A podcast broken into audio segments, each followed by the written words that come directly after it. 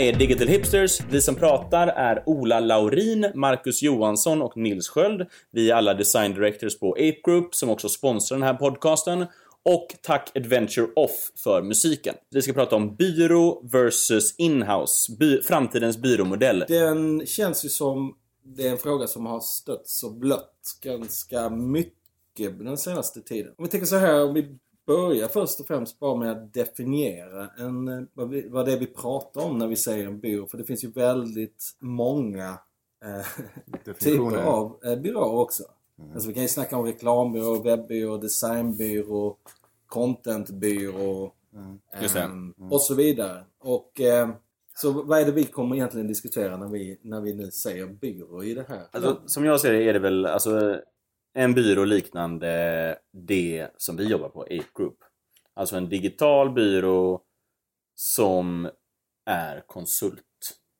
Alltså modellen att göra saker åt andra är död. Och vår, vår roll är ju också lite mer tjänstefokuserat. Vi, vi är ju en, en byrå som eh, har design som ett sätt för att driva oss framåt men, men vi är inte en, en byrå som eh, fokuserar på att kanske göra eh, allt för mycket identitet utan vi vill gärna kanske fokusera lite mer på produktdesign och designa tjänster. Vi hjälper företag bygga produkter. Mm. Men du sa någonting där med att, bygga saker åt andra, den, eh, den tiden är över. Alltså, precis. Byråmodellen, den nuvarande byråmodellen är död. Det betyder att den kommer leva vidare. Men annonsmodellen är död, den är fortfarande live and kicking. Så det kommer ju ta några år innan vi slutar få jobb med att så bygga en app åt oss. Mm. Men det vi ser tydligt är ju att våra kunder, framförallt våra kunder som är duktiga, gör ju mer och mer utveckling antingen inhouse mm. eller då kanske outsourcat till Indien men då gör beställningen inhouse. Okay. Och det tror vi också i framtiden. Men alltså, så att nu då när vi snackar om, vi pratar om en digital byrå med ett starkt designfokus. Um, så tror vi då att den är lite i rubbning, eller? Ja. Mm. Alltså det, det som jag tycker är intressant att, fundera på här, det är ju den här, det finns ett klassiskt citat liksom så här, framtiden är redan här, den är bara inte så här eh, jämnt fördelat. Eh, och när man liksom kommer att tänka på det så finns det ju vissa städer som har gått lite i, i förväg när det kommer till eh, byråers roll. Om man då tittar till, eh, till San Francisco till exempel. Där har det ju varit en hel del artiklar och diskussioner om om just det här ämnet. För att kunna liksom bygga en, en produkt eh, som är framgångsrik så, så krävs det liksom ett kontinuerligt engagemang och det är svårt kanske liksom att då ta hjälp sig utav en, en byrå som kostar väldigt mycket pengar och, och försöka liksom nå upp till de nivåerna. Mm. Ja, man kan heller inte garantera att byrån förstår allting som Alltså alla problem, alla, alla saker som sker inne i i byrån liksom. Det är bara att kolla alltså, eh, en byrå som jag håller bra koll på, Fantasy. De öppnade upp i eh, San Francisco. Tänkte att de skulle köra samma sak som i New York. Ha liksom utvecklare, bygga saker åt andra. Men för det första så gick det inte att få tag på några utvecklare eftersom alla var på startups och tjänade liksom eh, en miljon i månaden. Och för det andra så var det ingen, inga företag i San Francisco som var ute efter att få hjälp med utveckling. Att bygga saker. För att det gjorde de inhouse. Precis. Det var mycket, mycket bättre.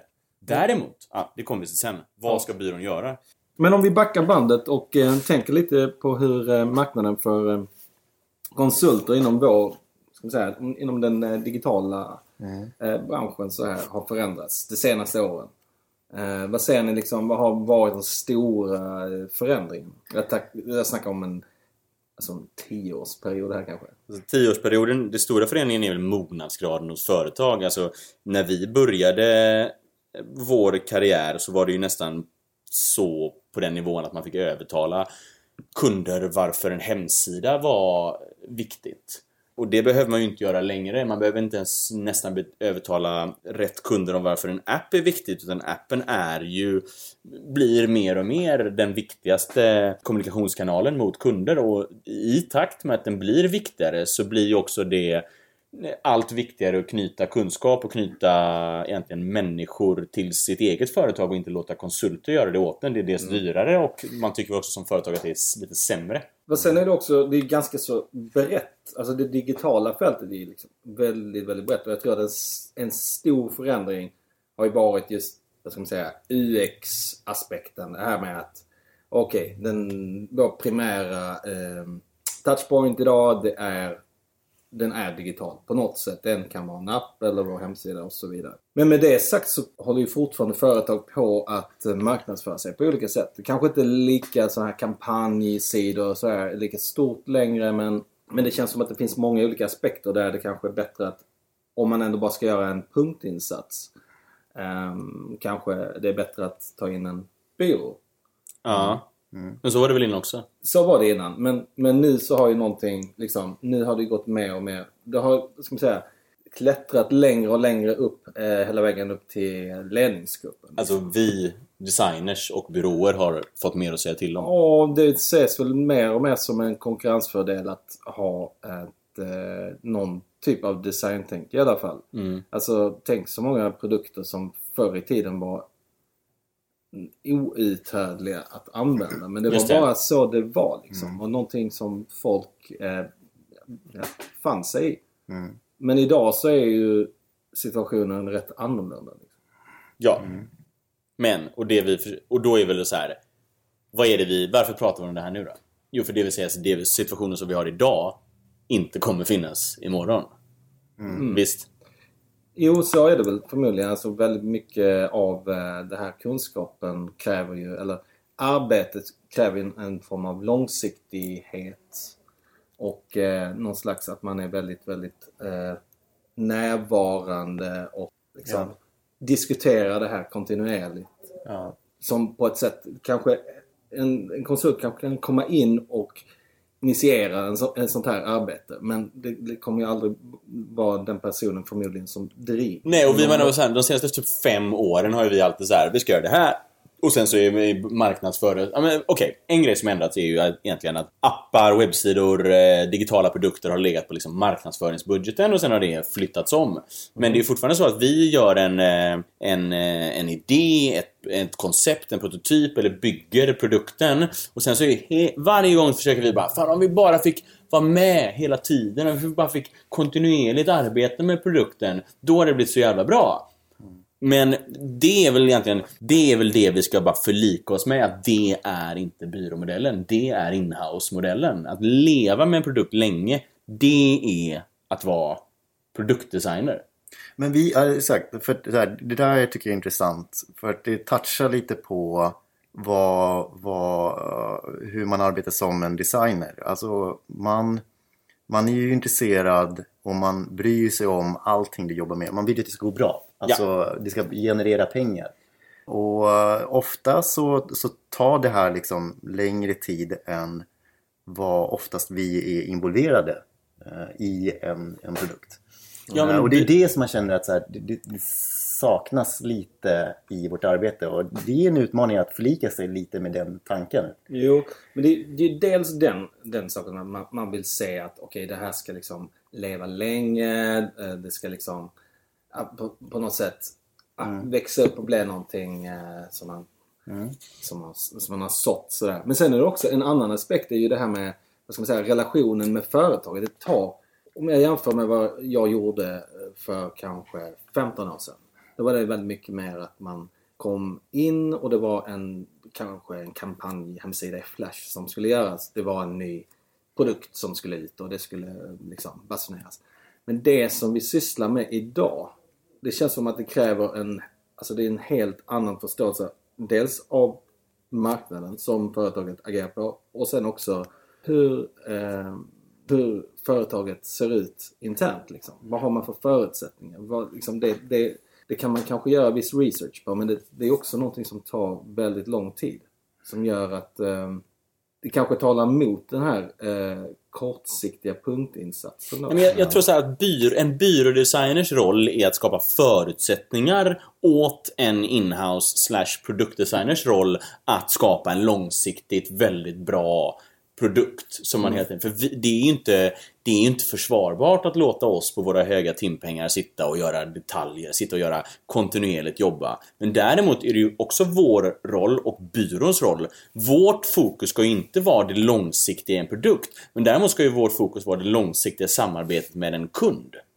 Så, eh, så sen om de om vi- gör kanske ett koncept antingen på en, eh, liksom en fortsättning eller en ny produkt och sen så antingen gör en första version eller en prototyp eller någonting som släpper den till byrån. Nu får ni ta vidare det här, utveckla, släppa och alla sådana saker.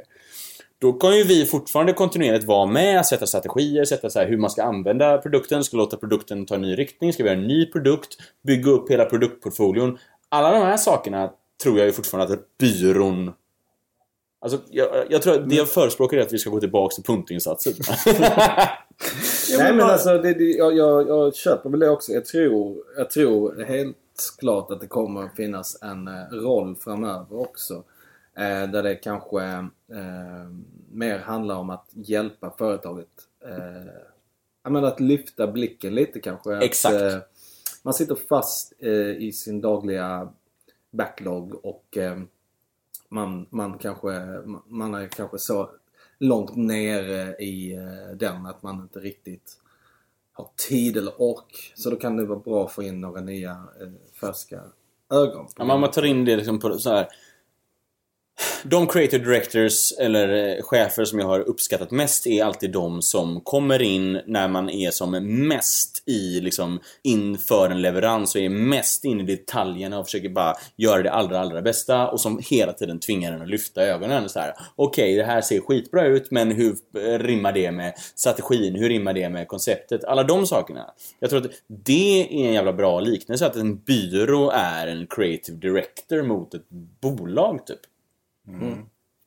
Ja. Men nu går vi väldigt snabbt på eh, lösningen av vad en byrå ska vara. Jag tror inte vi har riktigt målat upp hela problembilden av vad en byrå... Jag kan ta en annan, eh, ett annat sätt att se på det. Anledningen till att vi pratar om det här och att väldigt många har pratat om det här senaste året kanske, är att väldigt många byråer, stora kända byråer, har slut, finns inte längre.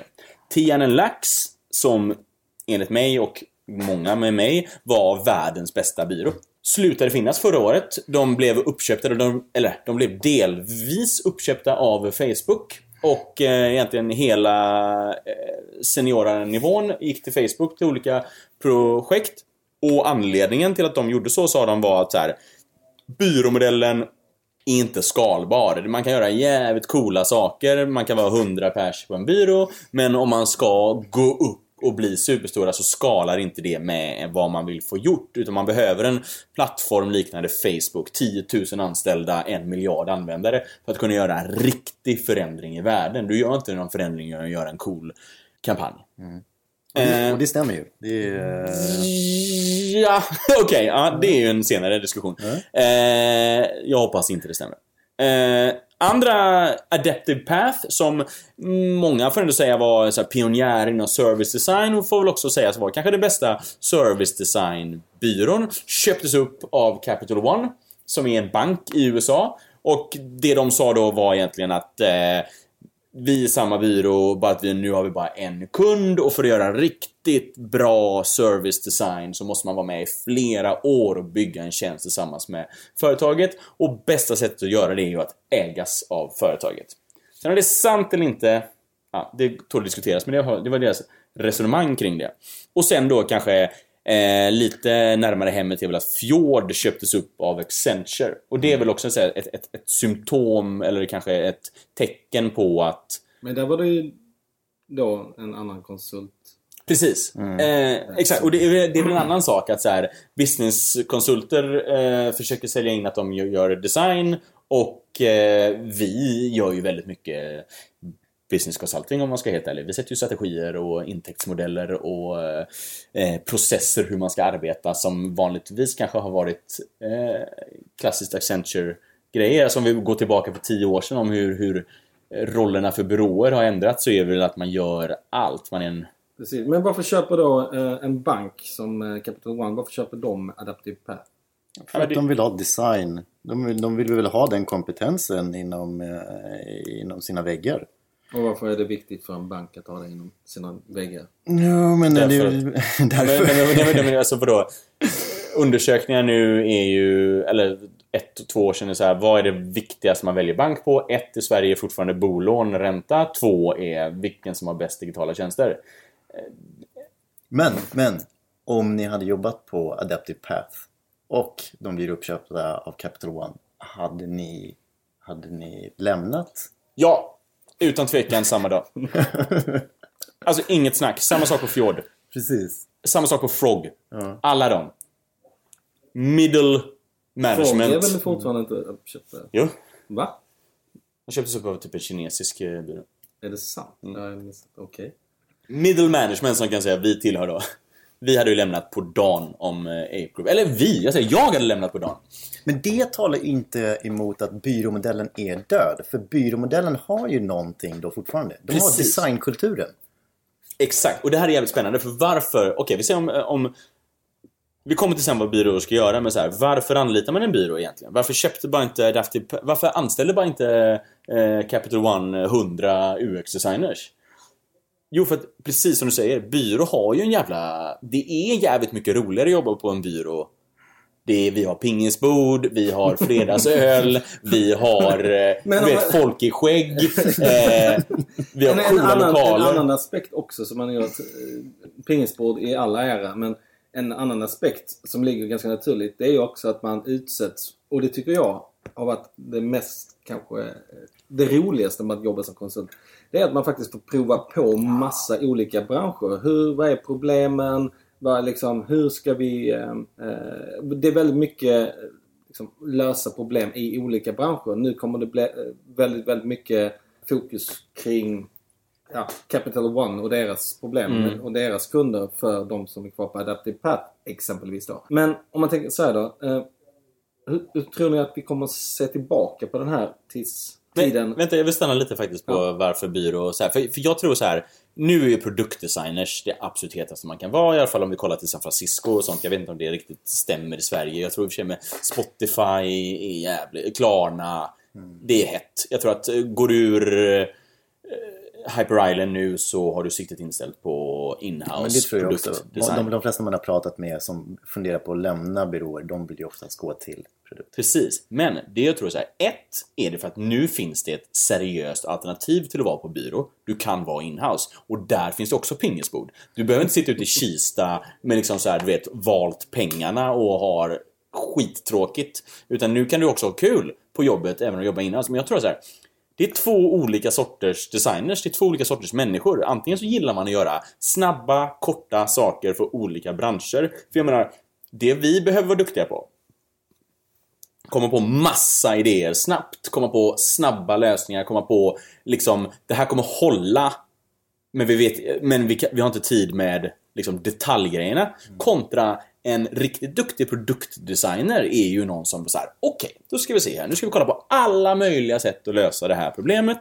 Sen så testar vi de fem vi tror är viktiga. Och sen så här, jag menar, jag höll ju på att bli galen på Spotify för att det var så här. Ja, det här kommer släppas om ett halvår. Jag bara, ett halvår? Vad fan, vi släpper nu! Det är så här. Och då tycker man ändå att så här, Spotify är ett snabbt företag. Det, var, det gick superlångsamt. Vilket det måste göra. För de kan inte släppa något som typ inte funkar eller som är lite, du vet så här, det är en cool idé men execution var inte så bra. Men 20 miljoner använder det liksom. Men så här, så det, jag tror det är bara, det är två olika sorters designers, två olika sorters tror jag- människor. ja, ja, det, Och de behövs för olika Det där är nog också väldigt mycket, handlar nog väldigt mycket om företagskultur. Jag gissar då att Spotify är väldigt så utvecklarstyrt. Så här, det ska testas och det ska dacka, dacka, dacka. Men eh, jag läste en artikel om eh, vad heter det? Det här företaget där man säljer sina virkade... Etsy. Exakt. Eh, Etsy har ju helt annat eh, driv i hur de släpper saker. De släpper ju många olika nya features varje dag. Och det gör man ju då, det kräver ju då att man har liksom en eh, designbyrå som sitter och testar. Men de testade på ett väldigt litet liksom, grupp, utvärderar, tar tillbaka och sen så... Så de håller på eh, på det sättet. Jag är inte helt övertygad. Det är klart, vissa branscher, eh, Spotify säkert, men även inom bankvärlden och så vidare. där det finns helt andra krav på säkerhet så är det klart, det är förmodligen lite längre Okay. Man kan inte riktigt jämföra Spotify och bank här. För Nej, det är men, mycket men... kortare. De släpper grejer hela tiden såklart. Och testar på grejer. Men mm. jag menar så här. Okej, okay, det jag försökte säga då var ju så här, att jag tror att det finns en, en plats för båda för det är olika sätt att eh, tackla ett designproblem. Mm. Att om du vill lösa någonting över tid och bara polera det tills det blir perfekt. Ja. Då är det inhouse. Ja. Och vill du istället då eh, skjuta från höften. Nej men liksom så här, vill du istället så här, komma på massa, massa snabba, snabba idéer och på något sätt sälja in det och, och bara så här, vara jävligt lättrörlig, lära sig en ny bransch, komma på en ny koncept så här, mm. Då är det byrå. Och vilket betyder också att om man vänder på det, om, om det är två olika sorters liksom, människor eller designers eller i alla fall eh, angreppssätt Då kommer det också finnas en, en, en roll för båda i Alltså eh, företag som, även om de har en jättestark inhouse-byrå, Spotify till exempel, mm. de anlitar ju byråer. Ja. För att göra sitt brand, för att göra kampanjer, för att, de anlitar också en byrå för att liksom så här, okej, okay, vad kan vi göra nytt? Mm. Och så får liksom byrån komma in med så här snabba idéer så här. Men, ja. men byrån kan ju inte vara produktdesigners för de vet inte... De kan inte vara produktägare heller.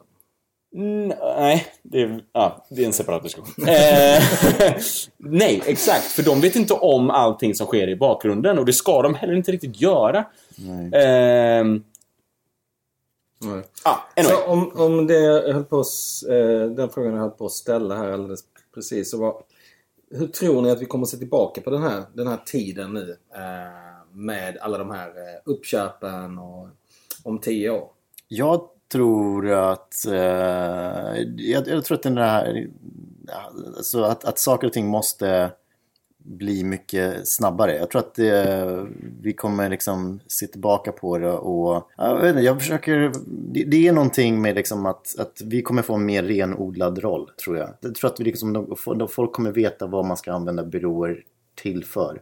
Eh, mm. Uh, och det kommer vara lite det här innovationsspåret, det här snabbtänkta, eh, kanske vända på steken eh, perspektivet, eh, komma in med lite uh, injicera lite nya idéer och det, det, tror jag liksom kommer vara vår roll. Jag kommer, vi kommer nog se tillbaka lite på det liksom och tycka att, att det var väldigt rörigt kanske. Ja. Ja. Och otydligt vad, vad, vad vi faktiskt höll på med. Jag håller med. Det finns en... Eh, Tobias Van Schneider har skrivit en eh, artikel på Medium som heter The Agency is dead, long live the agency. Och den handlar lite om det också, liksom att så här, byråmodellen innan eller nu mm. är felaktig. För vi gör massa saker som vi inte borde göra. Mm. Det är mm. bara för att det finns ingen stark inhouse eh, team än så länge. Det finns så här... Precis. Alltså, vi vill fortsätta utveckla Eh, produkter hela tiden. Inte på grund av att vi tycker att vi har rätt att göra det utan för att så här, det blir inte så jävla bra när kunden gör det själv. Eh, men om det hade blivit bra när kunden gjorde det själv, ja men då hade inte vi, eller det är klart vi hade gjort det ändå, men så här, då hade vi i alla fall inte haft någon fog för att säga det. Mm. Precis som Marcus säger liksom att Ja, jag tror också att man kommer titta tillbaks på, alltså här, vi, vi, vi gjorde för mycket. Precis, för om man, om man tänker liksom då, om man tittar ännu längre tillbaka, liksom så här, de har ju anlitat byråer tidigare bara för att vi råkade kunna digitalt. Mm. Och det var det så här, du vet, digitalt är ju så jäkla spritt. Det kan vara ja. det ena, det kan vara det andra liksom. Och det här kommer man ju, det här håller ju på att mogna. Liksom. Ja. Och, och, företag lär sig också att jobba mer digitalt.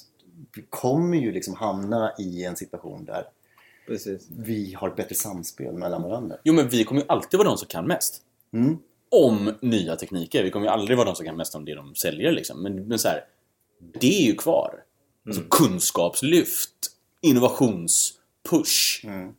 Men, men, det kanske är lite så som, som att eh, jag vet inte. Till exempel att alla på ett företag eh, kan skriva men med den saken behöver kanske inte alla, alla är inte författare för den sakens skull. Eller, det kanske låter pretentiöst men, men alltså att man använder digitalt i väldigt många olika eh, saker. Och det är mm. väldigt mycket av det här som kanske ska ske på en daglig basis inhouse. Mm. Och en, en del andra saker, då tar man in spetskompetens som, eh, ja, där folk är bättre lämpade att... Det är en väldigt bra analogi.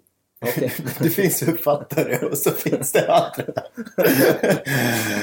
Se oss liksom så här, vad vi kan kreera. Man kallar mig för Steinbeck.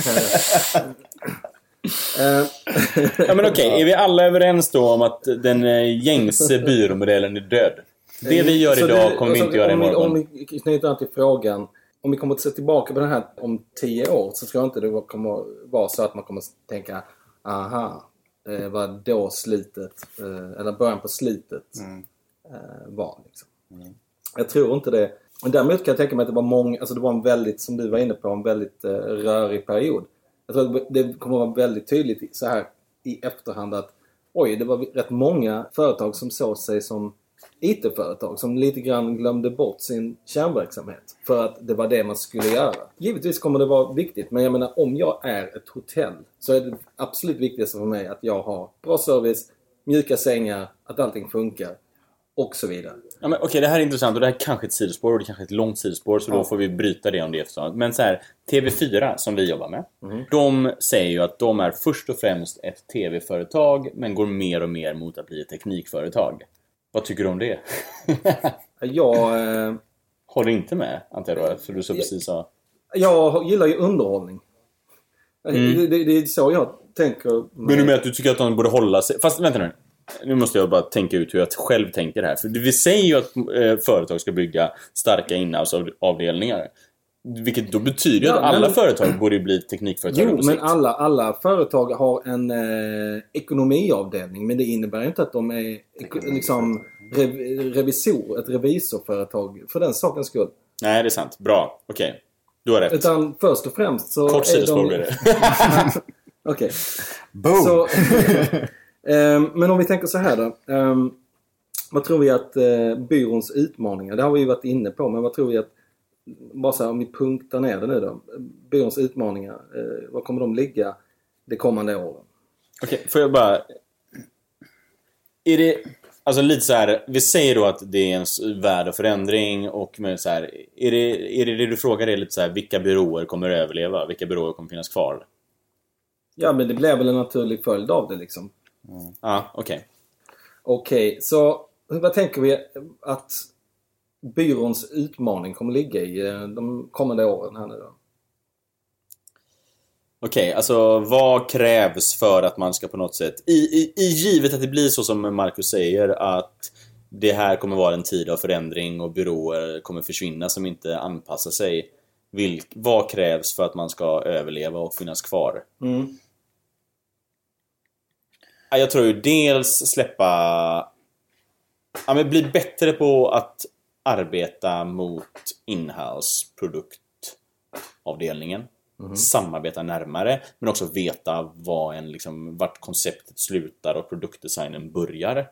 Veta vad vi ska göra utifrån alltså så här, ja men så här bygger man bra. Det här är de nya iOS-funktionerna som vi borde kunna få in. Jag tror vi måste bli lätt, bättre på att förklara varför det är viktigt att ha en utomstående part som lyfter blicken. Mm. Mm. En annan sak som jag tänkte på det var ju Det var liksom så här eh, om man tänker jag har jobbat väldigt mycket, aldrig på en reklambyrå men eh, väldigt mycket med dem och en sak som jag det här var ju i och för sig eh, ett tag sedan då men eh, En sak som var lite av ett fult ord det var ju eh, ROI, alltså Return-on-investment.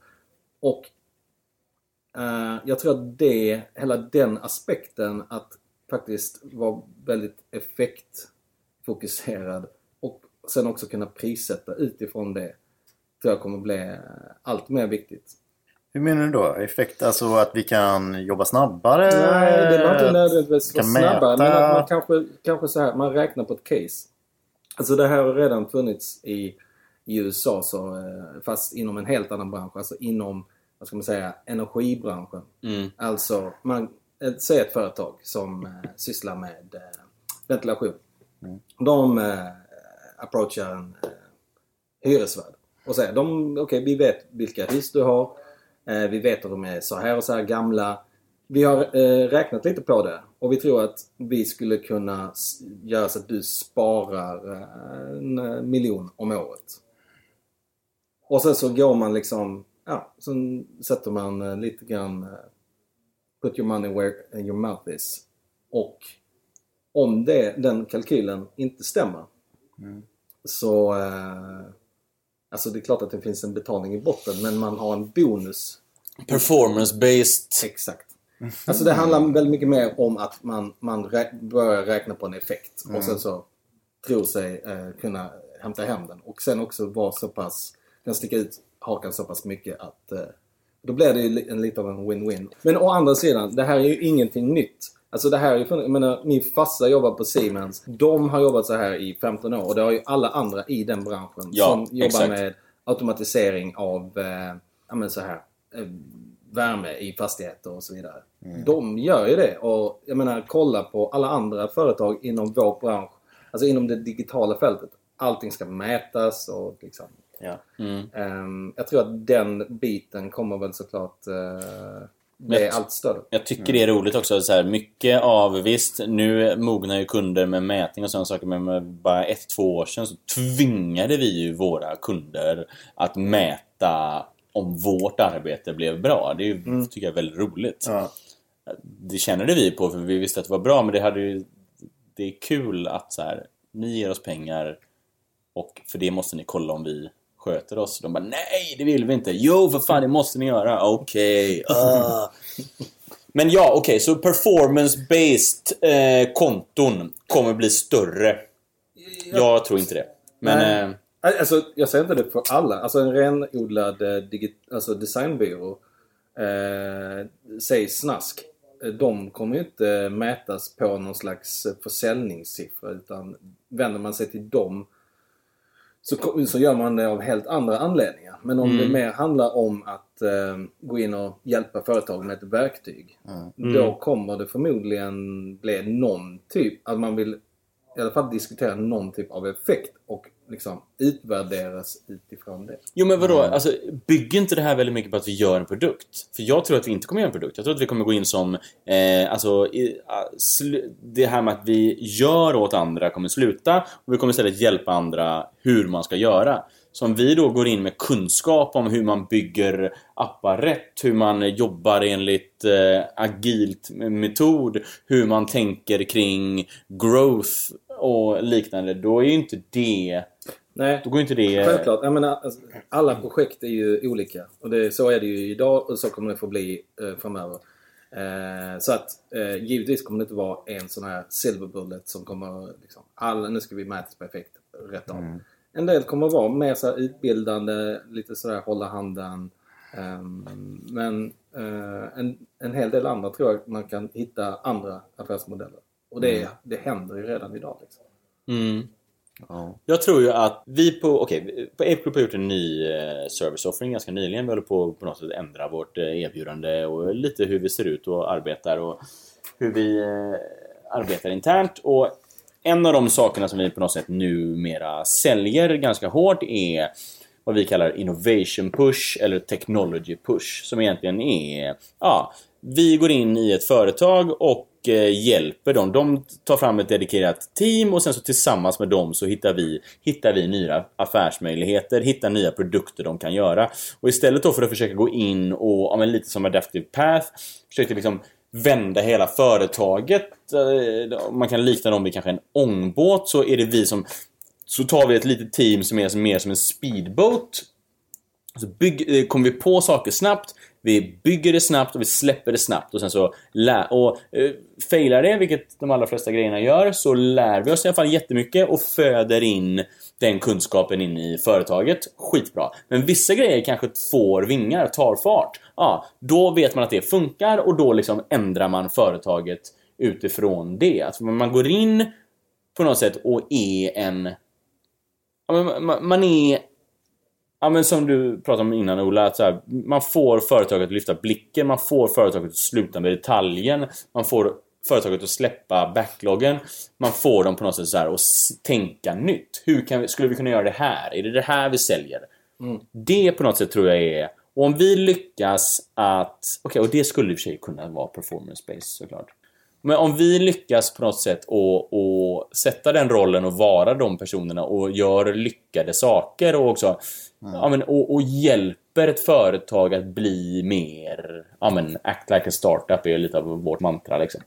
Om vi lyckas med det så tror jag att vi eh, Eller så tror jag att man är en byrå som är kvar om några år. Men eh, precis, och, och exakt. Och, eh, det, det där är ju bra. Uh, alltså så att vi, vi kan komma in och bara föra in eh, liksom innovation och, och, hjälpa dem att, att kanske ta fram en ny produkt. Men vi behöver ju också så kompetens, alltså för hela Act Like a Startup är ju liksom dels en idé, dels är det execution. Mm. Alltså dels att förverkliga och kommersialisera kanske en produkt. Ja. Det måste ju också bli liksom kanske framtidens roll för en byrå. Att vi kan ta från en, eh, någonting till, från ax till limpa. Alltså vi har en idé till en produkt och vi gör det på ett bra sätt så att vi liksom förstår oss på användarna men vi kan också kommersialisera det här och liksom verkligen ta fram någonting som är av affärsvärde till företaget. Ja, men när man eh, lyssnar på så här seniora designers och framförallt så här multi, töntigt ordnummer, så här multi-entreprenörer.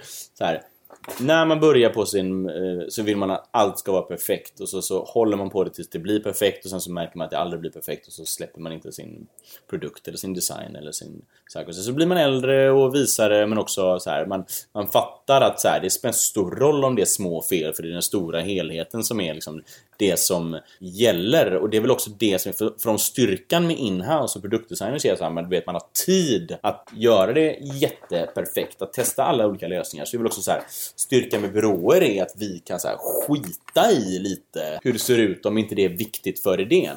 Att man kan liksom så här, man kan vara den här jäveln som liksom går med machete genom djungeln bara. Medan andra jag vet inte riktigt vad jag skulle komma med den liknelsen, men så här, det finns ett värde i att hoppa över saker som inte är viktigt. Ja, För ja. vi jobbar på, vi, alltså, rent krast så har ju vi deadlines och kort, korta tidsperioder. Och mm.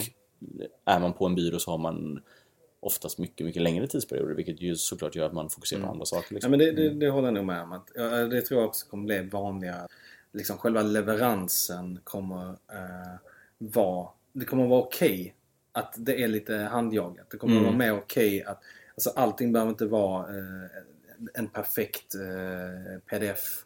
Liksom, utan Exakt. mer bara liksom ha eh, idéerna. Mm.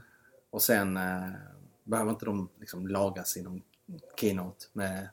Och det kopplar ju till det du snackade om, ja. ROI-biten. Ja. Alltså du kan ju inte mäta ROI förrän det finns en produkt där ute. Nej, Nej och vi, men precis, och då är det väl egentligen byråns roll då att bygga en miljö som gör, alltså som äh, skapar en miljö som bygger människor som är duktiga på just det. Och att, se här, till att grovhuggna att, idéer som att håller. Fokus, det vi faktiskt sysslar med. Det, eh, det ska givetvis leda till en bra produkt eller till en bra leverans på något sätt. Eh, men att företaget faktiskt också får mest bang for the buck. Hur yes. Ska vi sitta och putsa på en keynote eh, Nej. majoriteten av tiden eller ska vi faktiskt se till undersöka, försöka validera, testa saker eh, när vi ändå håller på. Mm. Det är ju det som jag tror att det är där eh, vår roll vår ligger. Väldigt. Okej, innan vi eh, avslutar så skulle jag vilja bara slänga in ja. en brandfackla, inte vet jag. Oj. Men Us2. Mm. Är det framtidens byrå? Okej, okay, för er då som inte är 100% med på vad jag menar här, vilket borde vara de flesta av er. Us2 är en byrå, en svensk byrå som finns... Någonstans. Det de har gjort och det de fortsatt gör är att de lägger ganska mycket tid på egen, att egenutveckla produkter. Antingen själva eller eh, vad heter det, lite så här Google, fredagar så jobbar man på egna projekt. De gör ungefär samma sak. Så de har släppt eh, Monument Valley som är ett spel som de har tjänat fruktansvärt mycket pengar på. Och de fortsätter att göra det. De släpper egna produkter. Men där är det ju, de är ju både och.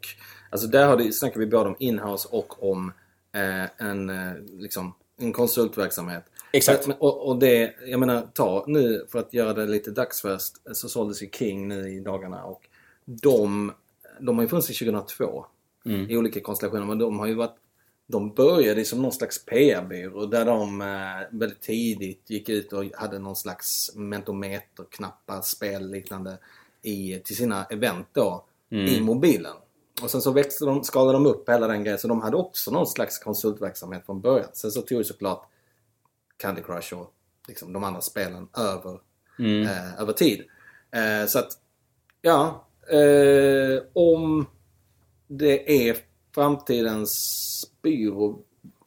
Jag skulle väl snarare säga att det kanske är ett sätt för en byrå att bli någonting annat. Men för hade du frågat mig för ett år sedan så hade jag sagt 100% så är en byrå ska operera. Mindre och mindre tid ska bli timmar, mer och mer tid ska bli eh, egna jo, produkter. Det, då, då... Och det hade vi frågat vår grundare så hade han också sagt det. Jag tror att vi båda har egentligen bytt åsikt om men... det egentligen. Jag tror att vi ska fortfarande göra produkter och koncept men inte... Målet ska inte vara att tjäna pengar på det för att tror så här, det finns fortfarande en roll för att göra saker åt andra.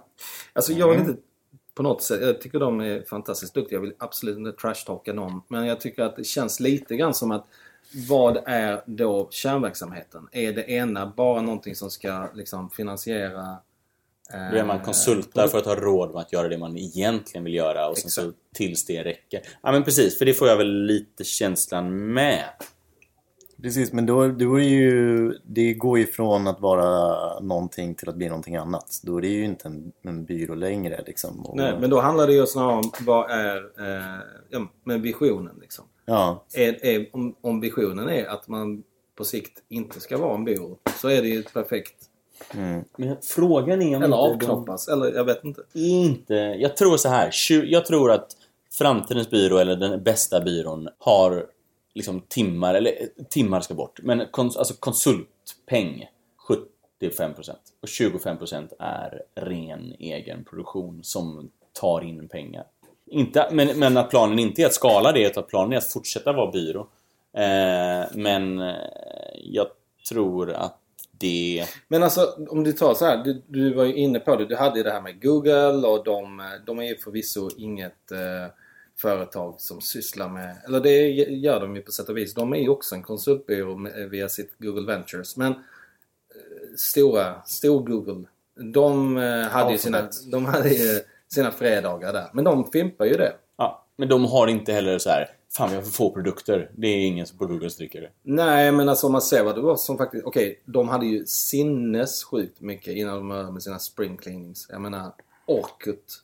Mm. Den fimpades väl typ förra året eller något. Mm. Orkut var ju jävligt stor i Brasilien Ja, tror jag. jo. Men, alltså, men det jag menar är Visst, väldigt mycket positivt trillade ut av det. Google Docs, eh, Gmail etc. Men Wave. det fanns ju faktiskt någon anledning hade väl... Alltså om det nu var så att det var fruktansvärt bra så hade de väl fortsatt med det tänker jag. De men, det, Nej, men deras det, ROI på det såklart insåg de att det var inte värt men, det. Men tillbaka till din... Eh, det, när du nämnde de här byråerna som har blivit uppköpt till en lax liksom, och prata om den här uppskalningen. Det är ju kanske det, den vägen man måste ta. Alltså för att man ska gå... För att nå den här omsättningen.